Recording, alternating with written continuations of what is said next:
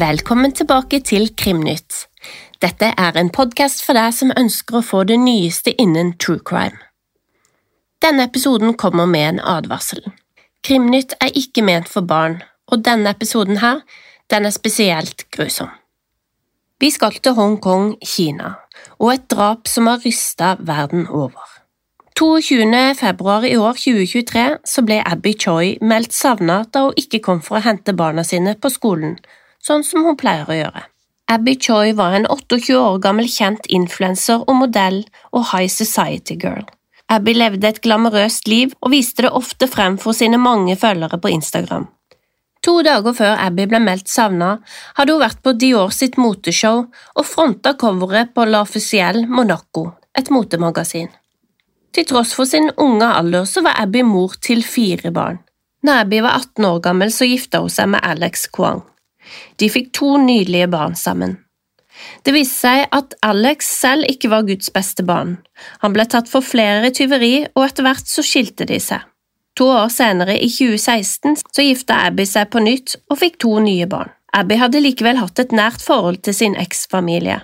Broren til eksmannen Alex Kwong var sjåføren og forretningspartneren hennes, og kommenterte stadig på Abbys Instagram med hashtag familie eller sista. Abby, som kom fra en meget velstående familie, var god for over 100 millioner dollar, og leide også ut flere boliger til eksfamilien sin, inkludert eksmannen Alex. Abby var kjent for å være gavmild og hadde et godt hjerte.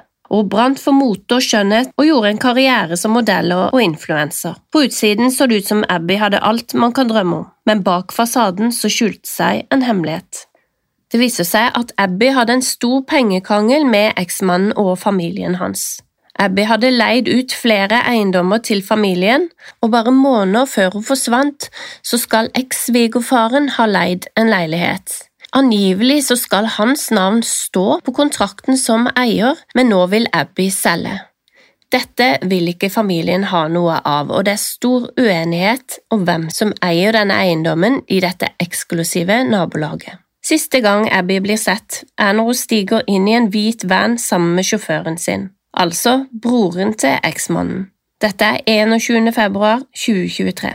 Politiet starter nå å søke etter Abby Choi, og torsdag 23. februar så gjør de et søk gjennom eiendommen som Abby hadde leid ut til sin eks-svigerfar. Der får politiet et syn de sent vil glemme.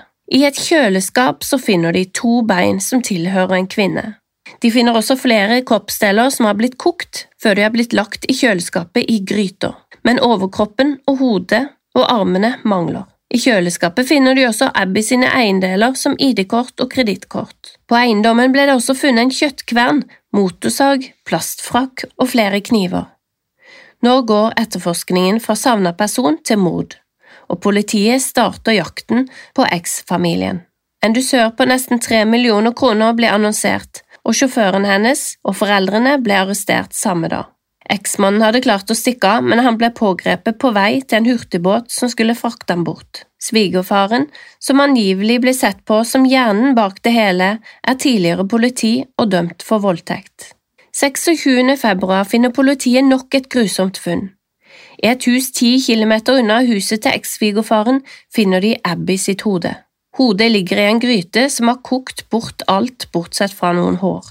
I gryta er det også selleri og gulrøtter. Ved å undersøke hodet kommer politiet opp med en teori om at hun har blitt overfalt i bilen som hun sist ble sett i, og senere partert og kokt. Politiet leter fortsatt i skrivende stund etter overkropp og armer på en stor søppelfylling. Eksmannen og broren samt faren er nå sikta for drap. Mora er sikta for å hindre etterforskningen, og tro det eller ei, så er svigerfarens elskerinne, en 47 år gammel kvinne, også arrestert, men senere løslatt etter kausjon. Krimnytt kommer til å følge utviklingen av denne grusomme saken. Så skal vi til en sak fra 1994 som skjedde i Trondheim i Norge. 17. februar nå i 2023 så melder NRK at barna som fikk skylda for drapet av Silje i Akebakken, nå er ansatt som uskyldige. I november 2021 så slapp NRK en serie i fem deler om Silje-saken. Takket være serien så bestemte statsadvokaten seg for å be politiet om å gjenåpne saken. Og nå, 17. februar, så ble det konkludert med at det ikke var noe bevis mot barna, som i alle år har levd med et drapsstempel på seg. 15. oktober 1994 ble fem år gamle Silje Marie Redegård funnet død øverst i en akebakke på Tiller i Trondheim. Silje ble funnet delvis avkledd i snøen, og hun var mishandlet til døde. Dødsårsaken var trolig likevel nedkjøling. Bare ett døgn senere ble tre gutter på fire, fem og seks år tatt inn til avhør og senere utpekt som de som hadde drept Silje. Det var seksåringen som først varsla om at han hadde sett noen ungdommer være slemme med Silje. I et annet avhør forteller femåringen at det var guttene som selv hadde skadet Silje.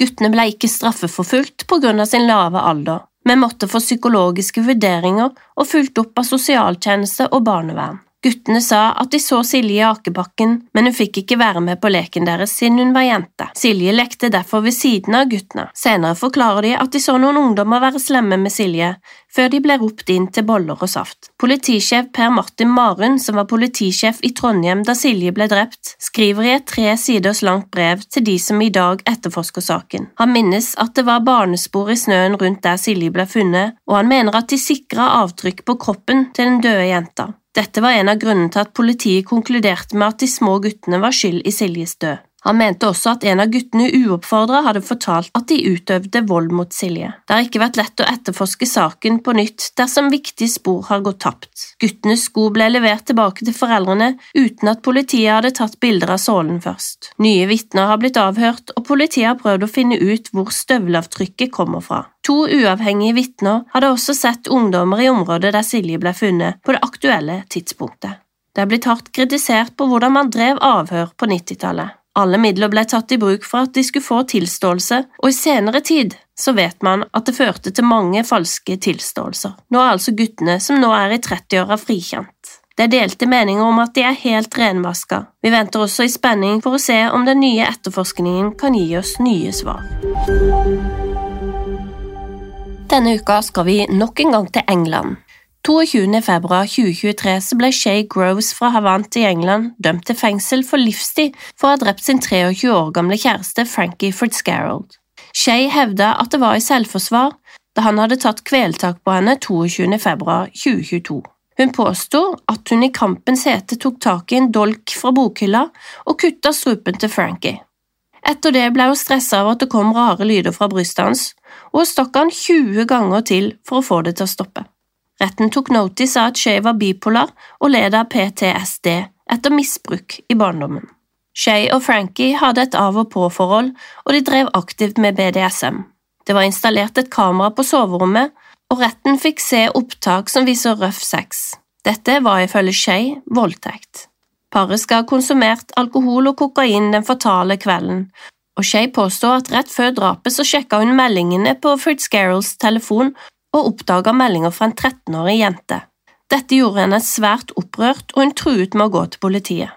Det var da han ble så sint at han begynte å kvele henne, ifølge Shay.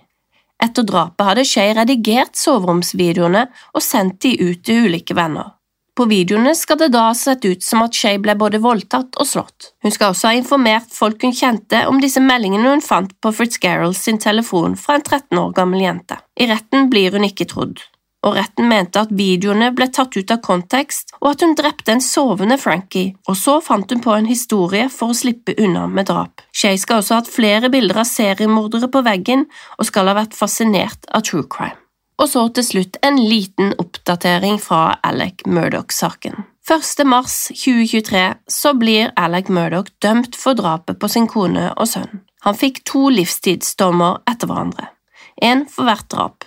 I retten viste han ikke en mine ved dommen, men i to anledninger så hevda han sin uskyld. Og denne uka så kommer første episode av en miniserie som du hører på Krimprat med Lisa og Fiona, og da går vi gjennom denne svære, kompliserte Murdoch-familietragedien. Og det er hele fem dødsfall i denne saken. Så følg med på Krimprat med Lisa og Fiona, og vi høres igjen neste uke på Krimnytt.